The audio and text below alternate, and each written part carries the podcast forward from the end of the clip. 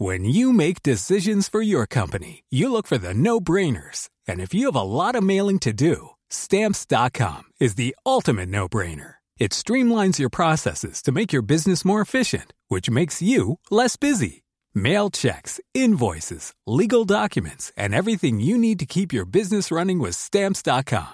Seamlessly connect with every major marketplace and shopping cart. Schedule package pickups and see your cheapest and fastest shipping options from different carriers. With rates up to 89% off USPS and UPS rates. And with the Stamps.com mobile app, you can take care of mailing and shipping wherever you are. Make the same no-brainer decision as over 1 million other businesses with Stamps.com. Sign up with Code PROGRAM for a four-week trial, plus free postage and a free digital scale. No long-term commitments or contracts. That's Stamps.com.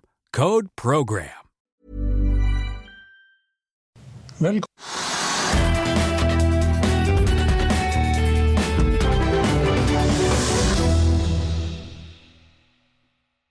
Velkommen til Økonominyhetene på tirsdag 29.11. Oljeprisen henter seg inn igjen og bidrar til å løfte Oslo Børs tirsdag. Vi har også dagens aksjetips, og vi har med oss administrerende direktør Stig Alexander Kjos Mathisen i kryptobørsen Norwegian Block Exchange. Men først bitte litt om hvordan det står til på børsene. På Oslo Børs der er hovedindeksen nå opp 0,7% til 1209. Futures på børsene i New York antyder at det kan komme en liten oppgang der også. Nasdaq indikeres det en oppgang på 0,5% For SMP 500 en oppgang på 0,3% mens det for Dow Jones der ser det ut til at det åpner ganske flatt. På børsene i Europa er det også opp. Stox 600 er opp 0,2 CAC 40 i Paris er opp 0,3% Dagsindeksen i Frankfurt er opp 0,25% og FTSE 100-indeksen i London er opp 0,8 jo, vi hopper rett til det som eh, skjer på Oslo Børs. I går var det ganske rødt på Oslo Børs, med de aller fleste aksjene i, ja, ned. Noen få aksjer opp. Og oljeprisen var nærmest i fritt fall, ned mot 80 dollar. Mandag gikk et fat nordsjøolje for 80 dollar og 86 cent på det laveste. I dag ser det litt lysere ut, eller hva tenker du, Trygve? Ja, Det er jo to drivere på Oslo Børs. Det er som du er inne på, det er oljeprisen, og så er det kanskje renter som man da også må se på. Og oljeprisen er jo ikke nå da, altså den, faller, den, den, endrer seg veldig fort. så 5-6 dollar på en dag er mye. Veldig mye. Så Fra liksom 85-86 dollar ned til 80, og så opp til 86, det er veldig vanskelig å følge med på. Og Det som er problemet er jo det er ikke, det er ikke tall eller analyser som liksom fører til at prisene går opp og ned nå. Det er jo liksom på en måte en beskrivelse av verden slik liksom det kanskje er i Kina. Ja, spekulasjoner, kanskje? Ja, så, ja, så Hvis altså folk tror det at liksom, nå skal Kina bruke mer olje, og de skal, de skal trappe ned på de der restriksjonene de har Kinesere skal få leve, arbeide og reise rundt omkring, og blir veksten blir større.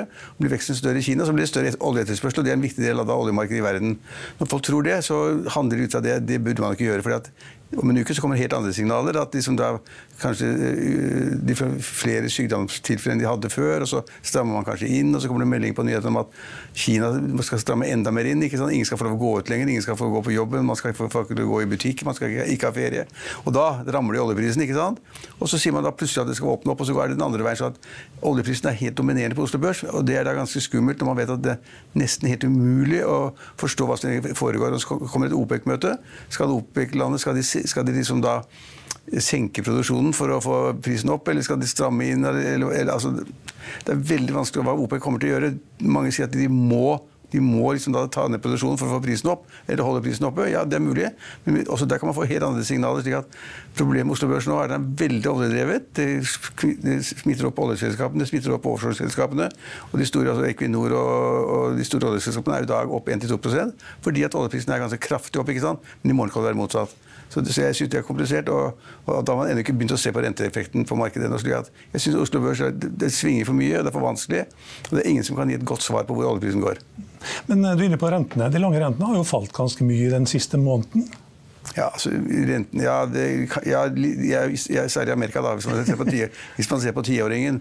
Men det som, det som, er, tror jeg, i realiteten i det norske markedet, det er at renten er kraftig opp. Mm -hmm. Så har du boliglån, så er liksom, betaler du nå plutselig 5-6% rente på boliglånet ditt. Og hvis du er stor, uh, storlåner i markedet og har lagt ut store obligasjonslån, og du har kanskje betalt 3% før, så betaler du 5-6% nå. Det er en stor forskjell. Hvis det, etter min oppfatning så vil man også se fremover at renten vil legge seg på et høyere nivå, vil bli der ganske lenge. Og Det betyr at da verdsettelsen av store kontorbygg eller kjøpesentre eller hva det måtte være i, i næringseiendomsmarkedet, de vil få et press nedover, og prisene vil falle. Jeg er nesten sikker på at de vil gjøre. Mm. Vi er ikke vi er ikke kvitt høye, lange renter ennå i Norge. Det er vi ikke i det hele tatt. Eh, og det er vel ikke noe som tilsier heller at sentralbankene kommer til å bremse veldig med det første? Nei, altså det, er, det vet man jo ikke. Men altså, jeg vil si at det var utrolig usannsynlig hvis sentralbankene plutselig skulle stoppe nå med renteøkningene. De har inflasjonen altfor sterk altså i EU, i USA, i Norge. Den er altfor sterk til at sentralbankene vil akseptere det. De skal ha, pris, altså da, de skal ha prisveksten ned på 2-3 eh, Da er de fornøyd. De er langt frem dit, og de kommer til å øke renten i de fleste sentralbankene i månedene fremover. Og da får vi et høyere rentenivå. og Det vil da ramme norske, de som har boliglån, det vil ramme norske bedrifter, det vil ramme mange andre. Så rentenivået blir høyere. Det blir mer, koster mer penger å låne, altså det koster mer å låne penger.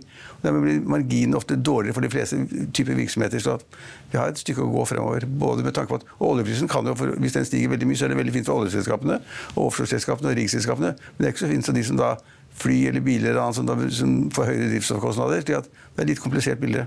Mm. Vi får kanskje et signal i morgen kveld, for da skal sentralbanksjefen i USA holde en viktig tale. Det blir, det blir kanskje en skikkelig tøff tale? Jeg tipper at det blir en tøff tale. De er ikke kommet ned. og det er klart at Sentralbanksjefene blir jo målt på hvor gode de er til å liksom styre pengepolitikken. Det, det, blir de målt på. Det er klart, du er ikke noen god sentralbanksjef hvis du i Norge da, for har 7,5% inflasjon prisvekst, og så har du da eh, ikke gjort noe særlig med rentepolitikken. Da vil sentralbanksjefen du kjenner rundt omkring si hvorfor gjør du ikke noe?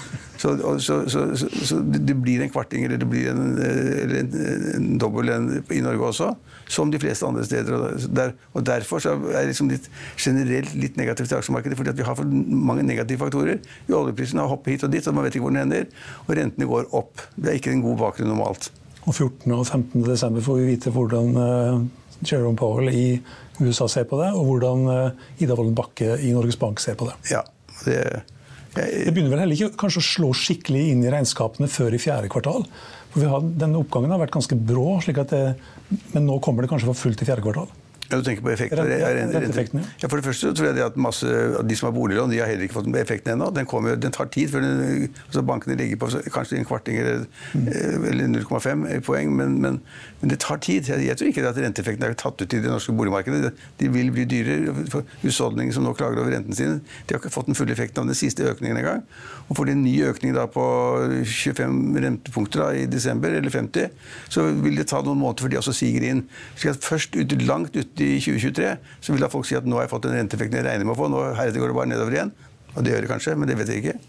Eh, og For bedriftene så er det åpenbart at renten har ikke slått inn ennå. Så de, de, som da sitter på dyre obligasjonslån, dyre, altså dyrt lån på næringseiendommer, de har ikke fått effekten i renten i det hele tatt, tror jeg. Mm. Men de får den ganske snart. Med mindre de har bundet, da. Med mindre de har bundet, selvfølgelig. Mm. Ja, på Oslo Børs så er um, ja, det er eh, litt blanda. Det er, hvis du tar de største selskapene, de mest omsatte, så er Equinor opp 2,4% nå, til 371 kroner og 15 øre. Aker BP stiger 1,1% til 334 kroner og 30 øre. Og Norsk Hydro opp 1,5% DNB opp en drøy prosent. På vinnerlisten så har vi Baramundi Group øverst. Den stiger 57% nå. Liten omsetning, 300 000 drøyt. Eh, og det er kanskje litt vanskelig å forstå. De la fram kvartalstall i dag som viste at de tapte mer enn i samme kvartal i fjor. Selskapet driver da innenfor oppdrettssektoren utenfor Singapore, Australia og eh, Brunei, tror jeg det er faktisk.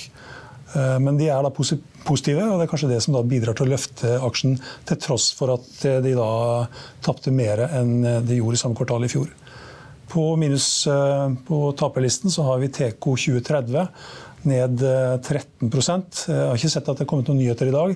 Men selskapet driver jo innenfor maritim sektor. Skal hjelpe den maritime sektoren gjennom det grønne skiftet. Det er vel hoved, eh, hovedvirksomheten der. Ellers har vi Avilco Drilling ned 10,4 eh, Det er heller ikke noe god forklaring på det. Flyr. Vi må innom flyselskapene. Er det noe nytt i Flyr? Nei, det er ikke noe særlig nytt i Flyr, faktisk. Men, men, men kursen holder seg fortsatt under ett øre, da. Eller én øre, hva man nå vil si. 0,06, er det det? 0,6 øre.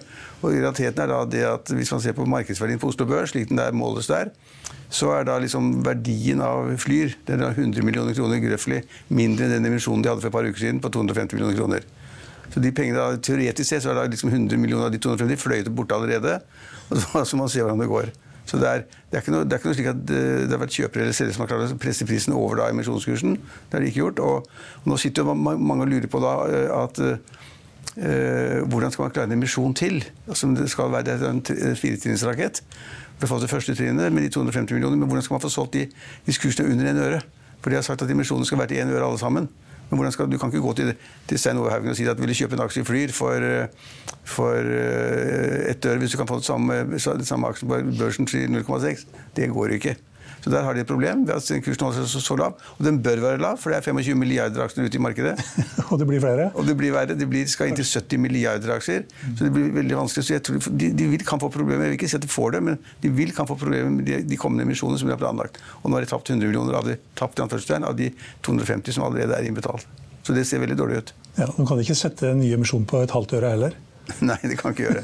De har sagt at den kommer på ett øre. Ja. Men i tillegg så er det, det, ja, det, det problemet at det skiftes til ledelse. altså at styret hadde ikke full noe tillit til at administrerende direktør. Så hun måtte gå. Hun sa at han skulle si opp Saab eller sånn, det er jo bare tull.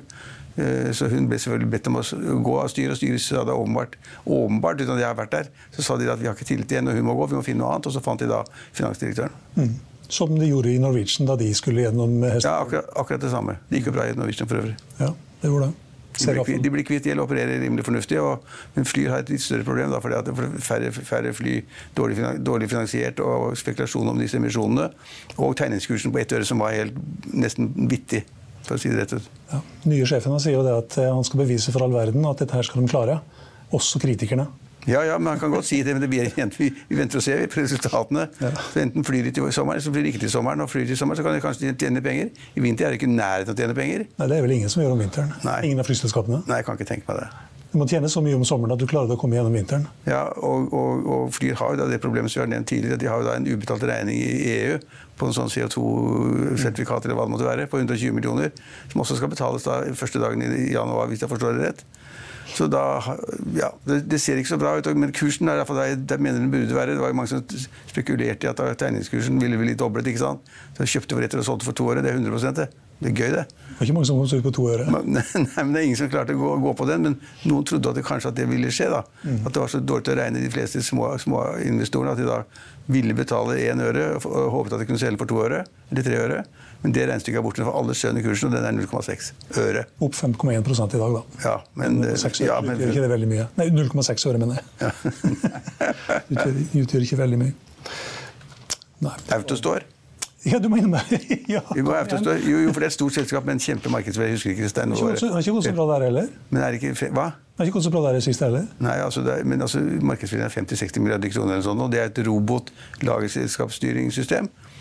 Og Det er også etter min mening veldig alvorlig, for eh, kursen er kraftig ned. Og det, og det har vært stor omsetning av aksjene i dag.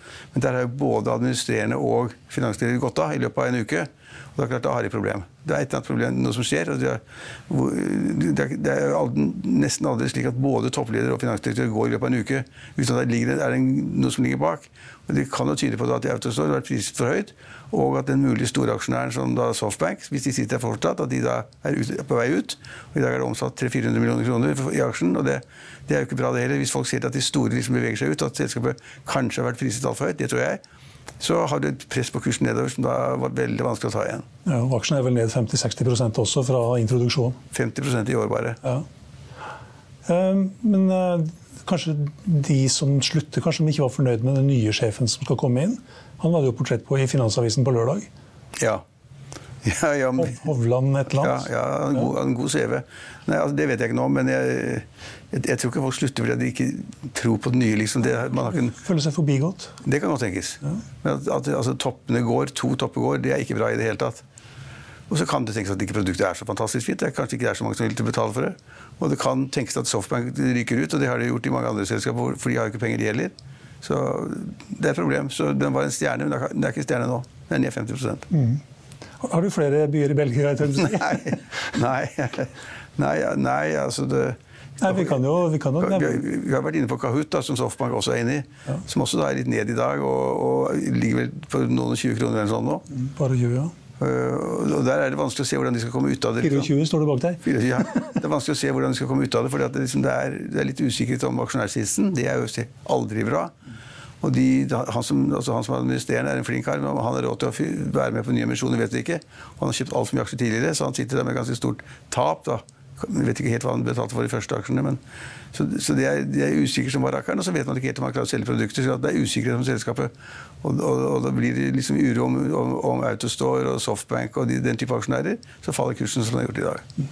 Haudmann Andersen han selger seg også ned i Kahoot sånn fortløpende? Han har solgt mye. Mm. Han, har noe igjen, faktisk, men han har solgt fortløpende. Og jeg tipper at han har bestemt seg for å, å, å ta ut hele den posisjonen. Mm. Men gjør det sånn litt stykkevis og delt, så er han ute av det rundt noen og 20 kroner. Og han har jo tapt det på papiret. Hva er det nå? Det være fem milliarder, 3 milliarder, 4 milliarder, hva det måtte være, fra toppen. Det var flere milliarder fra toppen, ja. Fra toppen, og, toppen, toppen var 130 kroner eller sånn nå. Ja, litt eh, høyere enn det faktisk. 137 eller sånn. ja, stemmer det. Ja, han er jo Eilert Hanoa, han har jo tapt noen milliarder, han òg. Ja.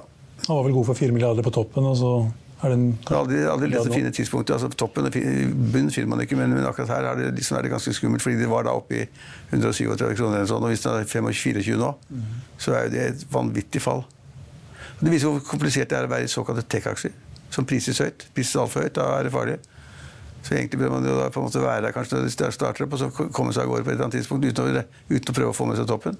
Uten å få med den siste krona. Mindre formuesskatt etter hvert, da? ja. Vi var glad for, glad for Ja, det blir mindre formuesskatt, ja. Ja. ja.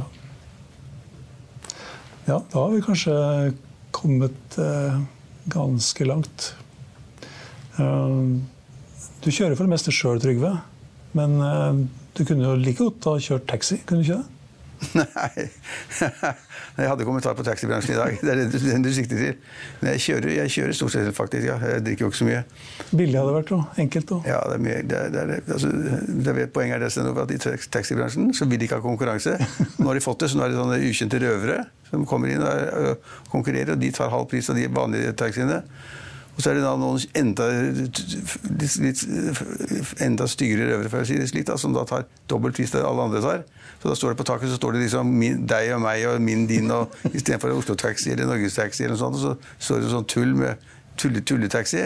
Og de tar dobbelt pris av alle andre. Og okkuperer alle sånne parkeringsplasser hvor drosjer bør være. Ulovlig osv. Så, videre. så det er, og er antall løyver Løyver hørte liksom krigen til. Det, det har doblet seg, for det er veldig mange som vil kjøre taxi. Og så kommer da de erfarne eh, drosjeeierne de sier at det er blitt altfor mange løyver, så vi vil ha dem vekk. Og Da vil jo prisen gå opp hvis de klarer det. og Regjeringen er inne på den tanken å på en måte ta tilbake, altså innføre løyvesystemet igjen. slik at de, de, de, regulerer i hver kommune i hvert fylke hvor mange som får lov til å kjøre taxi. Det er noe ordentlig sludder, selvfølgelig. Og det er litt irriterende hvis man da skal betale 700 kroner fra Oslo sentrum opp til der hvor jeg bor, når de egentlig burde betalt 200. Så jeg er veldig fan av disse app-selskapene. Uber og de andre. Tango og hva de måtte hete. Det er prisen en halv, halvparten eller en tredjedel. Så hvorfor skal man betale tre ganger så mye? Jeg fatter ikke. Kommer det, noe, kommer det noe på, på, disse her eh, løyvegreiene nå denne uka her, eller er det, nei, det er ikke en del av budsjettet, det? Nei, det, det, kan jeg ikke tenke meg, for det er litt, litt mer komplisert. Det er liksom arbeidsrettsting, og, og, det kan de ikke gjøre. Nå har du gitt løyver, nå har de gitt liksom, det er 5000 løyver eller sånn nå. Og det var 1500 av 2000, og det har de gitt. og så skal Du da, du kan ikke ta fra folk løyvene, da går de til sak. Så det, det må jo være slik at de innvilger færre fremover mens noen da faller fra. Men det som, poenget var det, det som altså Jeg syns det irriterte meg, men altså drosjeprisene i Oslo var ekstremt høye. Jeg kan bare Oslo. Og så har de kommet ganske kraftig ned, og det skyldes av den tøffe konkurransen. som gjør at mange sier at det er umulig å drive lenger. Du kan ikke leve av det. Og så kommer da noen politikere og sier at alle som driver taxi skal kunne leve av det på heltid. Det er bare sprøyt. Noen ønsker å kjøre deltid, studenter eller andre veldig mange som ikke vil jobbe hele dag med drosje. Men myndighetene tror at de skal tvinge det gjennom. At alle som har kjørt drosje, skal ha en helårslønn som det er anstendig som de kan leve av. Det er jo bare sprøyt. Ja.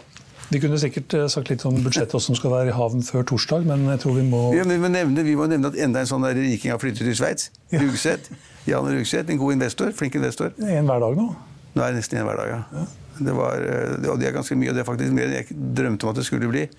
Eh, og det, går, det, akselererer, og folk begynner å regne og tenke på hva som foregår. Og, og det har noe med budsjettet å gjøre. Kommer det signaler der om at formuesskatten går ytterligere opp, eller at utbytteskatten blir satt opp enda mer enn det ble da i, i regjeringsbudsjett, så flytter flere. Da orker de ikke mer. Og Rugstedt sa ganske riktig, han sa at bare min lille familie er ikke noen rik mann, men han har, har en ganske god formue. Han sa at vi må bruke 40 millioner i året av selskapets midler for at jeg skal kunne betale formuesskatten. Fordi at selskapet betaler skatt, og så skal han da betale formuesskatt på 1,1% hvis det blir blitt det. Og, og så man betale utbytteskatt på 37,84 og summen av det er over 50% eller sånn. Og det må ta ut av selskapet hele tiden som utbytte for å da kunne betale formuesskatten. Og han, han, er ikke eneaksjonær, han har andre aksjonærer. Og de liker selvfølgelig ikke, ikke, at man må tømme selskapet for at hovedaksjonæren skal få betalt skatten sin. Og sånn er det mange som tenker nå. Mange regner på det. Og de regnestykkene er ikke gode. Vi har hatt det noen ganger her, vi har hatt det i Finansavisen og kapital, kapital, også. Men de regnestykkene blir faktisk verre og verre. Det er bare noen år siden så var utbytteskatten 31 som ble satt opp én gang for annen gang. Og nå er den, nå er den da 37,84 utbytteskatten. Og, skal, og som, De færreste har jo penger liggende i binging i kjelleren. Det de eier, er jo en fiskebåt eller et industribygg eller noe annet, eller et teknisk selskap.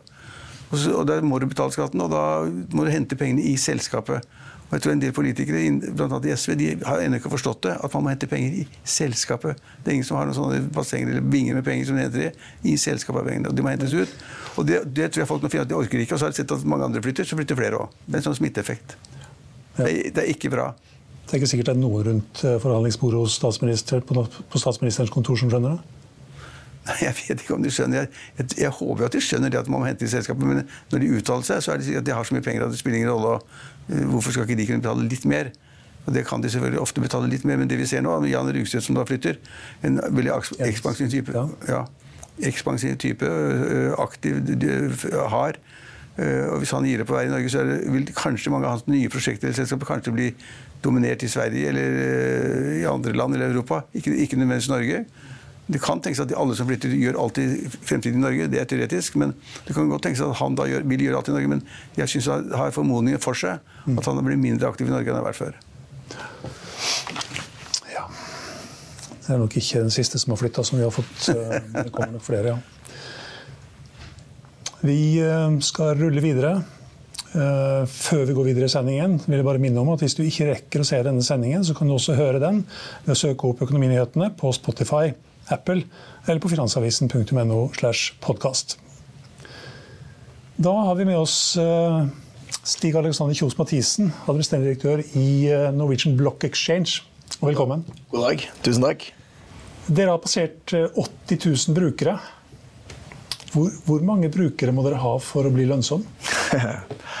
ja, Det kommer an på mange av de som er selvfølgelig aktive og brukere da, av, av plattformen. Og ikke minst eh, jeg, når vi slutter å bygge. Altså, vi, hold, vi, holder, vi, er jo fortsatt i en byggefase.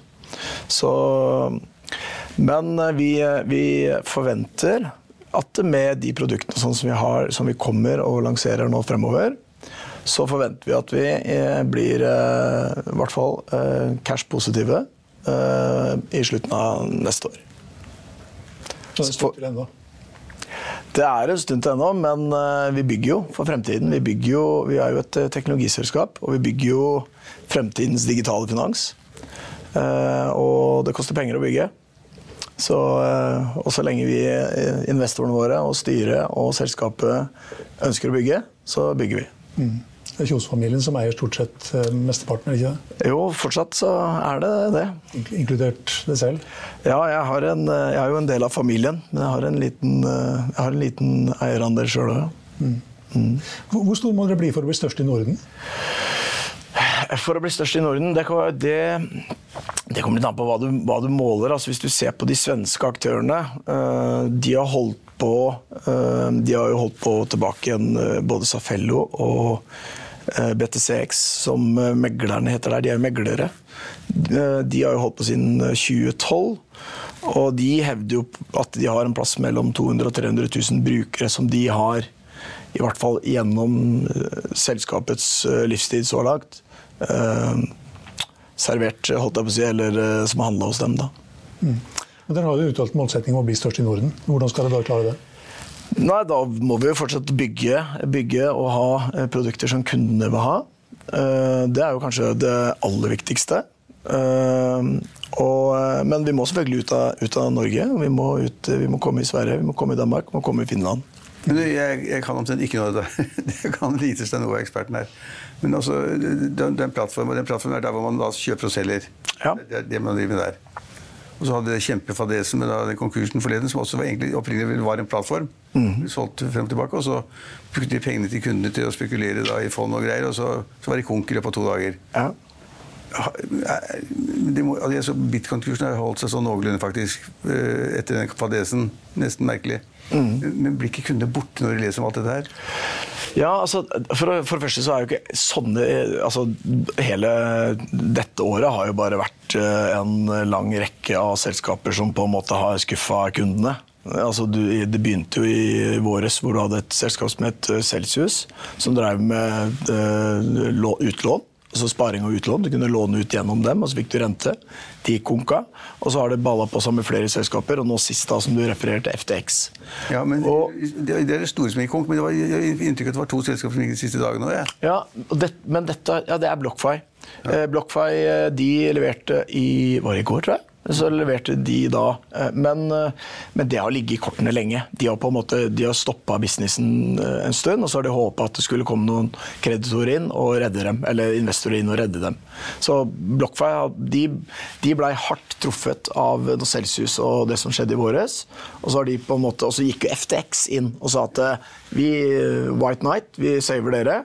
Med det da som tilsynelatende kan se ut som faktisk kanskje var kundenes midler. Også da når da eh, BlockFi da ser at eh, FTX faktisk da konker, og de er i en eh, konkursprosess sjøl, så skjønner de at de pengene kommer jo ikke derfra. Og så har de da prøvd å, å, å, redde på en måte Brukt de siste ukene på å redde, redde det selskapet, og så har de da, da åpenbart ja, kanskje gitt opp, eller i hvert fall gått inn i en chapter 11-prosess. Men, men, det vil vil bli flere slike? Altså, det må være flere plattformer som går? fordi det, ja. det har sikkert vært en, u, altså, en umoral mange steder hvor man brukte da, altså, tradernes penger da, til noe annet enn det det skulle være? Altså det, som, det som er liksom helt åpenbart, er jo at uh, veldig mange av disse selskapene her har jo ikke hatt noe som helst form for, eh, for risikokontroll. Altså de, lånt, altså de, har lånt, av hverandre, og det har vært altså, helt sånn klovneopplegg, egentlig. Altså de har lånt av hverandre, og alle liksom, har en eks, eksponering mot hverandre, og de drar hverandre ned. Så det som du ser nå, er jo de selskapene som, som blir igjen, er jo de som da faktisk ikke har gått den veien, eh, og, kanskje rett og slett ikke gått den veien for å liksom få en hurtig vekst. Da, og tilby kundene veldig risikofylte produkter. Som da bl.a. har vært på å låne ut kundemidler, og i tillegg så har de lånt ut kundemidler uten at kundene har vært klar over det. Så det er de som ryker nå. Man ser jo de som står igjen nå, eller de som blir igjen, er jo de som da har hatt gode rutiner og ikke tatt den risikoen. da. Og det som vi ser, er jo at Eh, nordmenn eh, de, de, kommer hjem med midlene sine. Ikke nødvendigvis for å handle, men de flytter eh, midlene tilbake. Fordi de føles, fra plattform i andre land og byer? Fordi det føles tryggere, og det er tryggere å ha dem hos, hos norske veksler. Ja, hos oss. ja. Men det er det. det, er vi, ja, det, det, vil jeg også tro, faktisk. Men, men hva er egenkapitalen i, i, i selskapet deres nå? Altså Egenkapital på balansen? Ja. ja hva det var sist uh, halvår? 85 millioner eller noe sånt? Ja, okay. Så det er, så det er 85 millioner i støtputer for ja. Jo, men på en annen side så, så har vi jo vi, vi, har liksom, vi har litt andre ting. altså Hvis du ser på hvordan vi har satt opp, for det første så har vi jo Hvis du ser på kryptomidlene, så har vi jo de skilt i forhold til egne. Og så har vi det på uh, uh,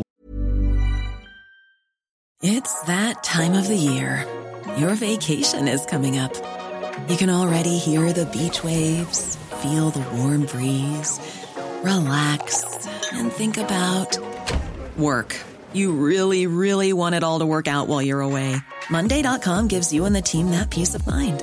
When all work is on one platform and everyone's in sync, things just flow wherever you are. Tap the banner to go to Monday.com.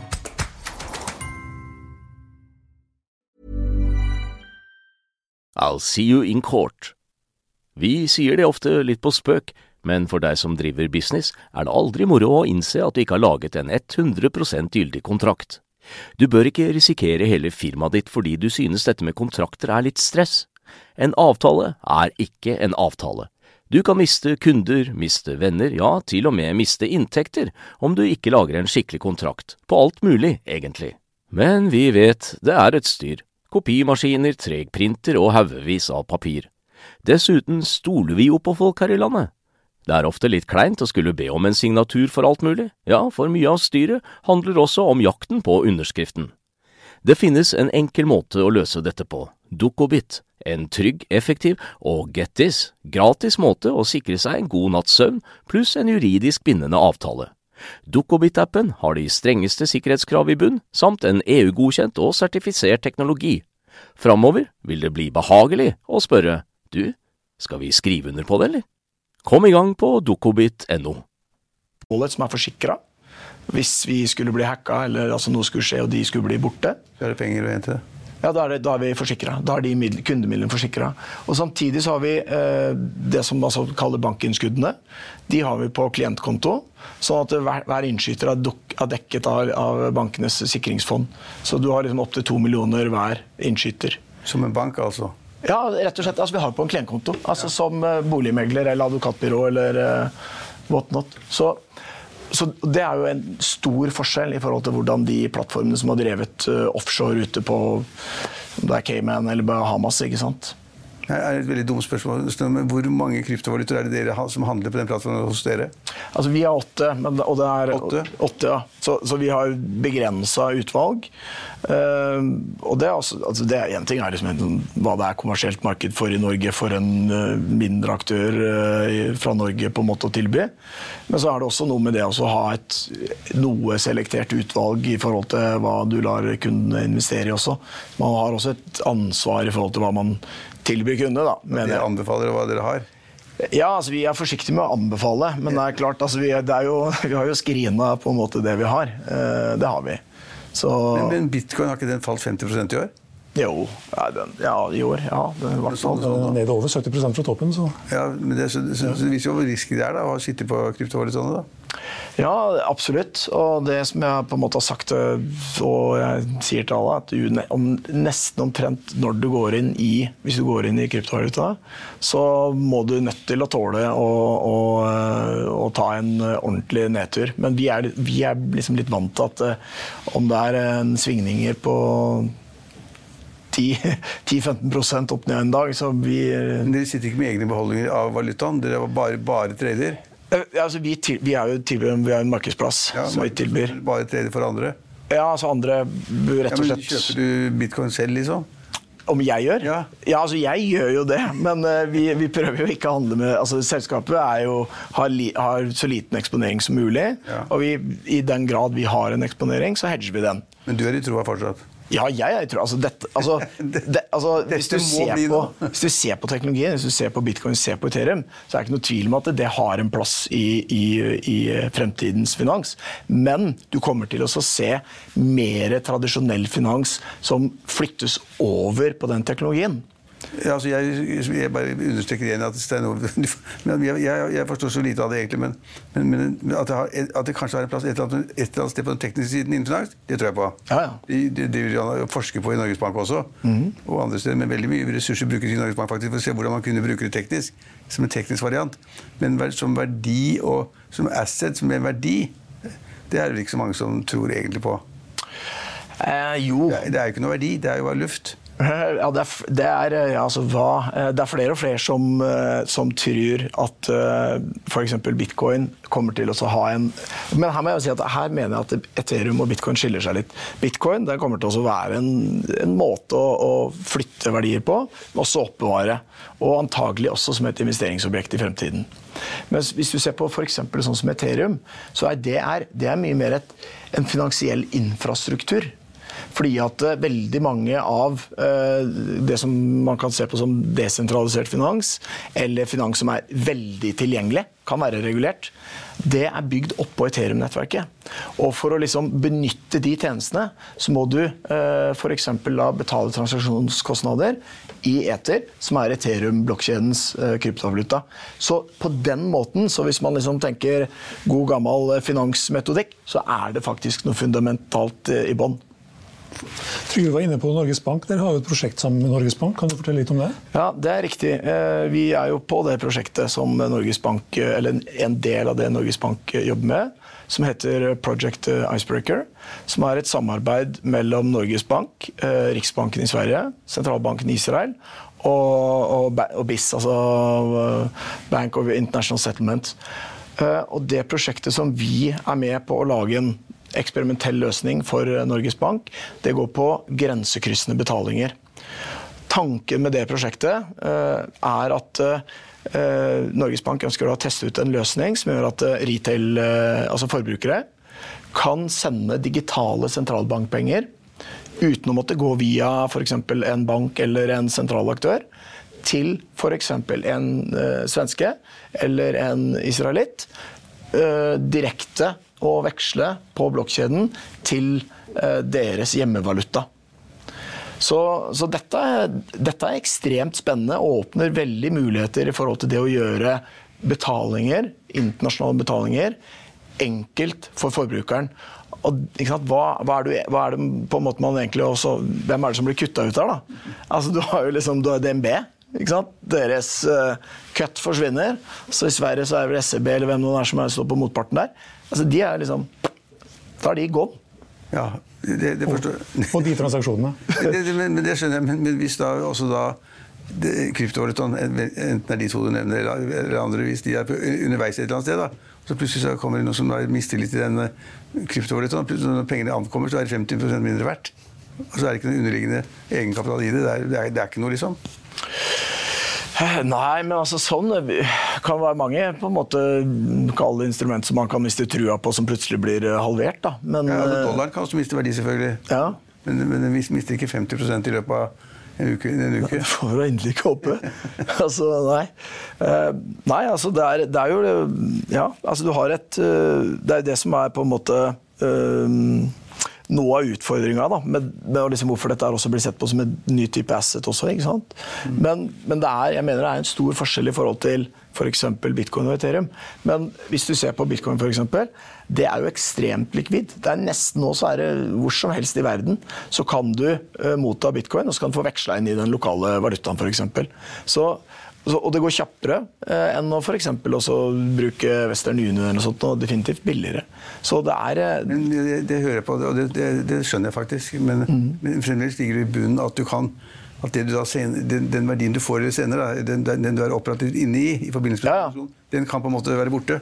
For det er, noen, ja. sier, noen sier plutselig at liksom én mm. milliard var borte. Den ble borte et eller annet sted. Ja, og, og, og, det som er interessant akkurat liksom for det user case, er jo at i utgangspunktet så betyr det jo ikke noe hva verdien av en bitcoin er, når du skal, når du skal bruke det til bare å overføre en annen verdi. Så lenge den holder seg stabil da, i de uh, time, den timen eller, den timen eller sekundene det er liksom det du overfører.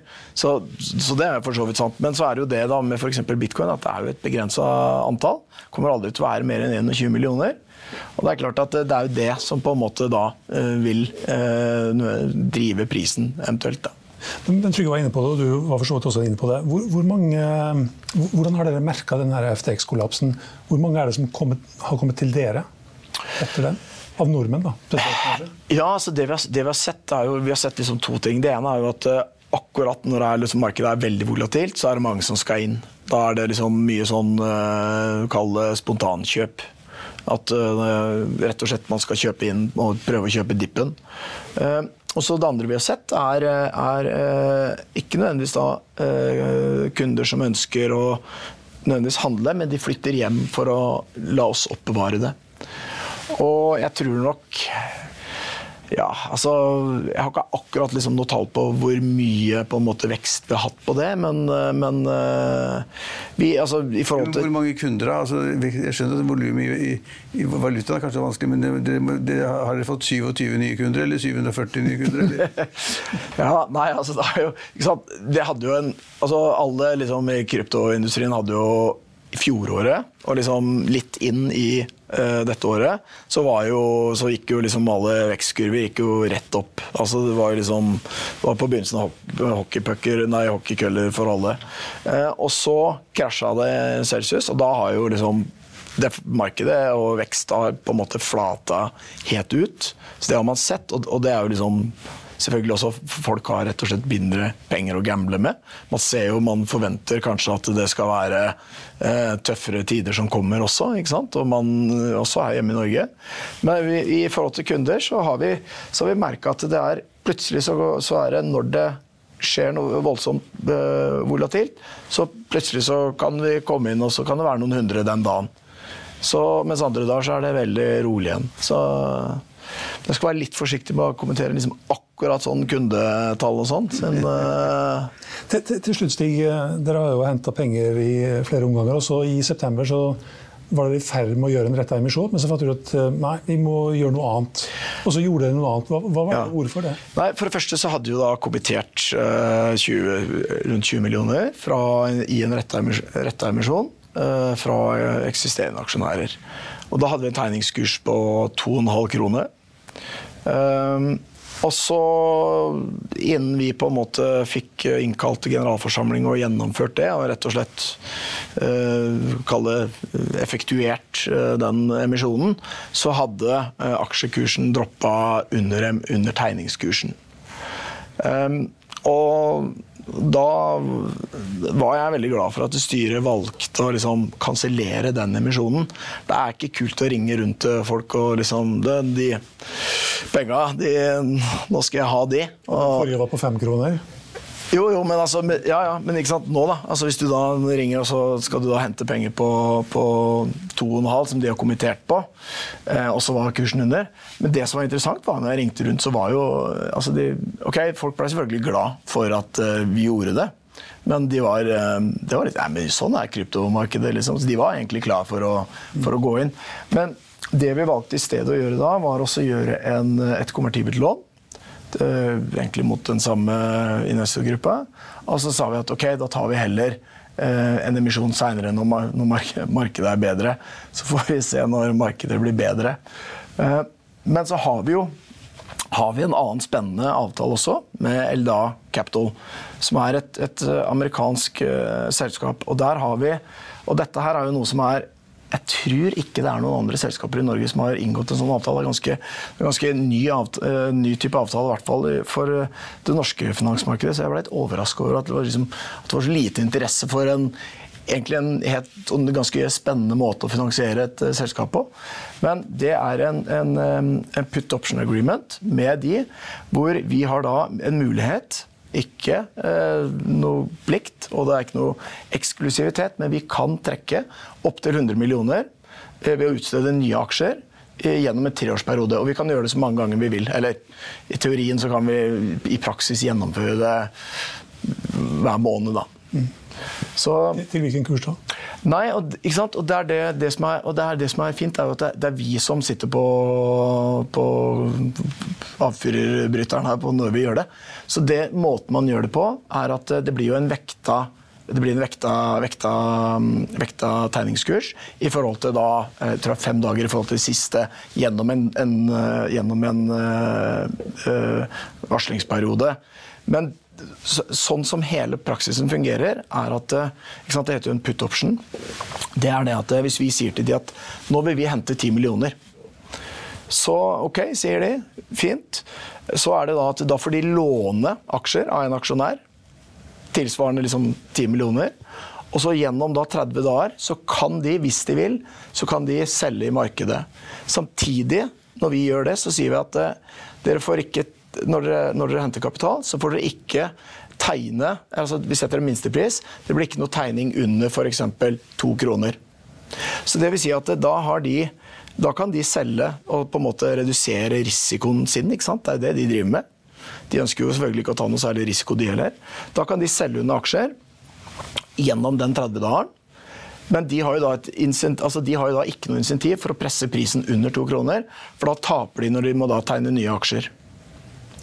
Eh, har jeg, sett, har jeg sett den modellen her før? Var ikke et til Blue Ocean eller noe sånt? Noe Nei, noe sånt for det er gjeld. Okay. Dette er, det, og det er nettopp det som var han, han ene ideen. Han, vi, jeg blei så oppgitt, for altså, du kan ikke sitte i en, i en største, si at du er den største økonomiavisa i Norge og ikke forstå forskjell på gjeld og EK. Altså, det går ikke. Du må skjønne liksom, det er den sida av balansen, det er den sida. Så, så det er, dette er utelukkende så er det ny EK. Det er aldri noe gjeld. Vi skylder dem ingenting. Ikke sant? Så det er kun når vi vil ha, uh, ha, og vi ser at det er muligheter i markedet, så kan vi trekke på den kapitalen. Og det er klart at uh, dette er jo en, en, avtale man i utgangspunktet kunne inngått med en eksisterende aksjonær. Men da kommer du veldig fort i en For det første så er det veldig få aksjonærer som kan si at ok, jeg kan binde meg til en sånn avtale i tre år. Det er det første. Og det, den mengden kapital. Og det tredje er jo liksom Da vil de andre aksjonærene Eh, utfordre f.eks. om man har forfordelt til noen aksjonærer. Derfor er det veldig greit å gjøre det med en profesjonell partner. som Dette er det de gjør. Hvor kom det selskapet her fra? Hvor, hvor dukka det opp? Du, vi, det, dette, vi, blitt, eh, vi, var i samtale med, med, flere, så vi hadde flere alternativer. Så vi valgte det som uh, var, var, den beste, beste, avtalen. Det er, uh, det er en uh, hva skal jeg si altså de, Disse selskapene har på en måte oppdaga altså den venture-selskapene venture har oppdaga på en måte litt kryptoverden.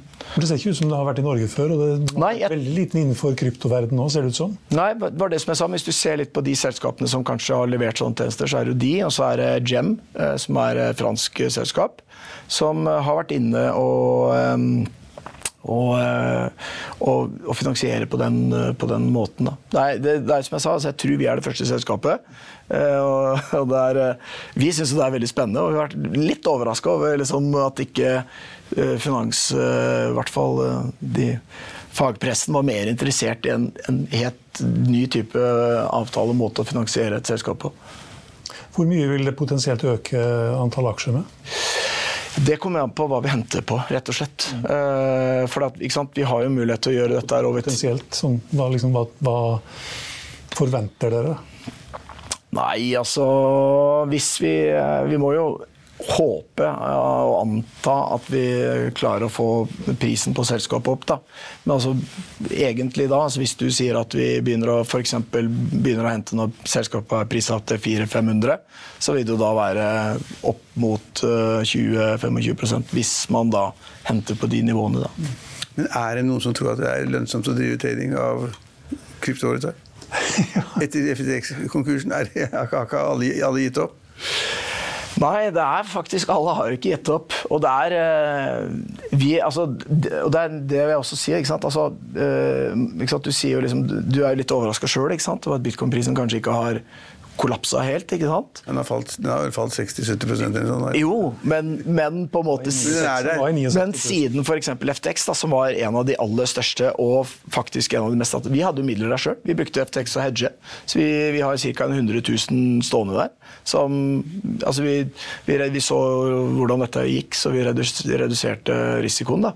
Men vi satt igjen med 100 000 som ikke klarte, altså norske kroner som ikke klarte å få ut. Vi brukte det til å hedge. Mm. Og, øh, og det var veldig mange som brukte FTX til det. For den var liksom, den var liksom de institusjonelles børs. Og selv om på en måte alle de har fått seg en uh, på tygga, og vi er, vi er ikke ferdige. Altså, det er mange eh, anonyme kreditorer der som har hundrevis av millioner, altså store hedgefond, som kommer til å antagelig komme ut med tall og at de tar tap. Men allikevel så så man jo at, eh, at prisen holdt seg bra. Og noe av det kan være, for du ser jo de, er jo, de var jo 85 000 bitcoin short når kundene tok ut. Så, og de har, de har hatt uh, veldig gira derivater. ikke sant? Det har vært det vi bruker dem til. Så man kan jo spekulere. Har de egentlig hatt dekning for det de har solgt? Og det er klart, Hvis de har solgt titusenvis av bitcoin, uten faktisk å ha det underliggende, så er det klart at eh, da kanskje prisen har vært kunstig lav. Da. Så det kan jo være at det kan være noe av det som faktisk At den eh, tankegangen der kan være noe av det som holder, holder prisen At ikke den kollapser helt. Fordi at man tror at ok, hvis de ikke hadde full dekning, hvor mange andre børser er som ikke har full dekning? Ja. Aktiviteten har vel gått ned, vil jeg anta, det siste året? Ja da. Handelsvolumet, aktiviteten og vekst har definitivt det har gått ned. Og vi, så vi jobber jo med jobber, Men det som man ser, er at man får liksom mer Eh, man har andre forretningsområder som man kan gå på. Det ene er at vi har et, eh, et eh, kredittkort med, altså med, bitcoin kickback. Altså se fra cashpoint. Bare at du får Bruker kortet, så får du en, så får du en bitcoin. bitcoin. Nei, opptil 4 hvis du, er, hvis du handler mye hos MBX eller er flink til å verve, så får du, så får du um, opptil 4 og Det gjør vi sammen med Enfuse, som er et finsk uh, fintech-selskap. Og så har vi også starta noe som heter Crypto Compliance Center. Og det er rett og slett Vi selger Crypto Compliance-tjenester til finansinstitusjoner sånn som banker, og eventuelt andre meglere eller eh, type um, ja, fond. Og det ser vi at det er også et veldig stort behov for rett og slett. Og ikke minst nå i forhold til det som går på å ha kryptocompliance innenfor riskmonitorering av kanskje andre aktører eller uh, type blokkjeder. Mm. Er det andre produkter dere lanserer som kan bidra til at uh, må, det blir lønnsomt fortere, eller? Ja. Og vi har ett et produkt til som, som, er, som, vi har kommet med nå for en måneds tid siden. Og det er eh, staking. Dette er proto protokollstaking. Og her har du da det du egentlig gjør, at du, du bidrar til å sikre nettverket. Se for deg mining, bare uten energibruken. Rett og slett. Eh, det er det man gjør. Man validerer transaksjoner, og så får man da belønning av blokkjeden. Dette er på Cardano. Belønningen er ca. rundt 4% i året. Men det som er kult med den type sparing som det her, det er at utbetalingene kommer hver femte dag. Ikke sant? Så spar... Hva må jeg gjøre da for å være med på et sånt uh... Da må du gå over på MBX-appen din, som jeg er helt sikker på du har på telefonen. Og så går du inn og så, og så, går du inn, og så trykker du på der hvor det står 'staking'. Ja. Og så kjøper du Cardano. Og så... Stalking? Det er noe forførende. Nei, staking. Se på deg en, en, en stack med skjetonger. Og så kjøper du Cardano, og så trykker du 'staking', og så sier du 'stake'. Og det da begynner å få, få rett og slett en passiv inntekt på beholdninga di. Det er som et bankinnskudd, da? eller? Ja, men det er til protokollen. Så det er ikke noe som låner det. Vi låner ikke ut. Nei. Du setter det til sier til at eh, det du For at du har det på en konto, så setter du det på Cardano? Eh, ja, du har, fortsatt, ja, du har det fortsatt, på konto, men du sier at eh, jeg delegerer min, mine stemmer på denne blokkjeden til NBX. Og de kan validere transaksjoner på mine vegne mot at jeg får den passive inntekten. Og Hver femte dag da, så får du, eh, får du eh, rewarden din. Og da begynner det å bli gøy å spare. ikke sant? Altså, ja, hva, får du, hva, får du, i renter, da? Ja, opp, rundt altså 4% i året ca. 4% som, ja. som et bankinnskudd da, snart? Ja. Er ikke det, Trygve? Jo, jo, nesten snart. Ja, det er kommet opp. Men, ikke sant? Vi kommet helt opp i 2,5-3. Men det er én ting som gjelder i krypto. og det er Hvis du da har, hvis du har et eller annet som du staker, eller et eller annet, og du ikke skjønner hvor gilden er, da er det du som er ilden. Mm -hmm. Og 4% det skjønner folk at det er eh, der er det antagelig ikke noe, det er ikke noe lureri der. Den, er, det risiko, den, er, det risikofritt? Det er risikofritt, for det er protokollen som betaler. Det er blokkjedenettverket. Det, det, dette er så vanskelig at det her burde laget kurs. Det er som teknisk aksjeanalyse for 40 år siden. Ja, kurs i steking. Ja. Eh, veldig interessant, eh, Stig. Vi har gått eh, langt over tida. Du skal snart i bursdag òg. Jeg skal i bursdag. så jeg tror vi får si tusen takk for, for det så langt, Stig, og så får vi rulle videre. Ta, vi, skal ha, ja, vi, skal faktisk ha dagens aksjetips. Se på det her. Mm. Legger du pengene dine her, kan de stige 60% i verdi, skal vi tro Jefferies analytiker Jamie Franklin. Han hever nemlig nå kursmålet sitt på havvindaksjen Cadeler til 55 kroner og gjentar kjøp. Selskapet har nylig meldt om milliardkontrakt på et offshore vindprosjekt i Nordsjøen. Her skal de montere fundamentet til vindmøller ute på havet. Og hvis alle opsjonene utøves, så kan verdien på den kontrakten her være på hele 3,4 milliarder kroner. Kalenderkursen har beveget seg ganske sidelengs siden eh, januar i fjor. Men om du har tro på havvind, så kan Kadeler være et godt sted å legge pengene sine. For eh, samtlige av analytikerne som har dekning, anbefaler kjøp. Sist ut så kan vi nevne at HC Wainwright hever kursmålet på biotekselskapet Bergen Bio til hele 30 90 kroner. Det er 355% over kursen i dag. Bergen Bio forsker på vaksiner og medisiner mot bl.a. kreft og koronavirus. Kursmålet på 30 kroner det er eh, imidlertid milevis over de andre analytikerne. Med Gjennomsnittskursmålet det ligger på 18 kroner, som gir eh, 160% oppside. I Finansavisen i morgen kan du lese Trygve Egners leder om rystelser i pressen, om blodbad i Arctic Syndikat, om en ventet tordentale i USA i morgen kveld, og spådommer om comeback for grønne selskaper. Det var det vi hadde for i dag. Vi, mitt navn er Stein Ove Haugen. Takk for at du har sett eller hørt på. Vi er tilbake igjen i morgen klokken 8.55 med Børsmorgen og med Økonominyhetene klokken 14.30. Håper at med oss igjen da også. I mellomtiden får du alltid sist nytt på finansavisen.no, minutt for minutt.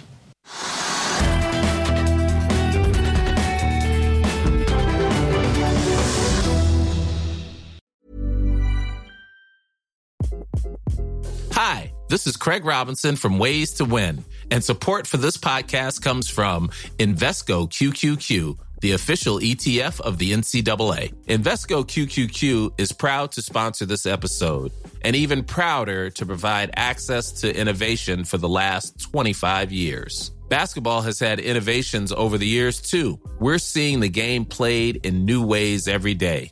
Learn more at Invesco.com slash QQQ. Let's rethink possibility. Invesco Distributors, Inc. Økonominyhetene er en podkast fra Finansavisen. Programledere er Marius Lorentzen, Stein Ove Haugen og Benedikte Storm Bamvik. Produsenter er Lars Brenden Skram og Bashar Johar. Og ansvarlig redaktør er Trygve Hegnar.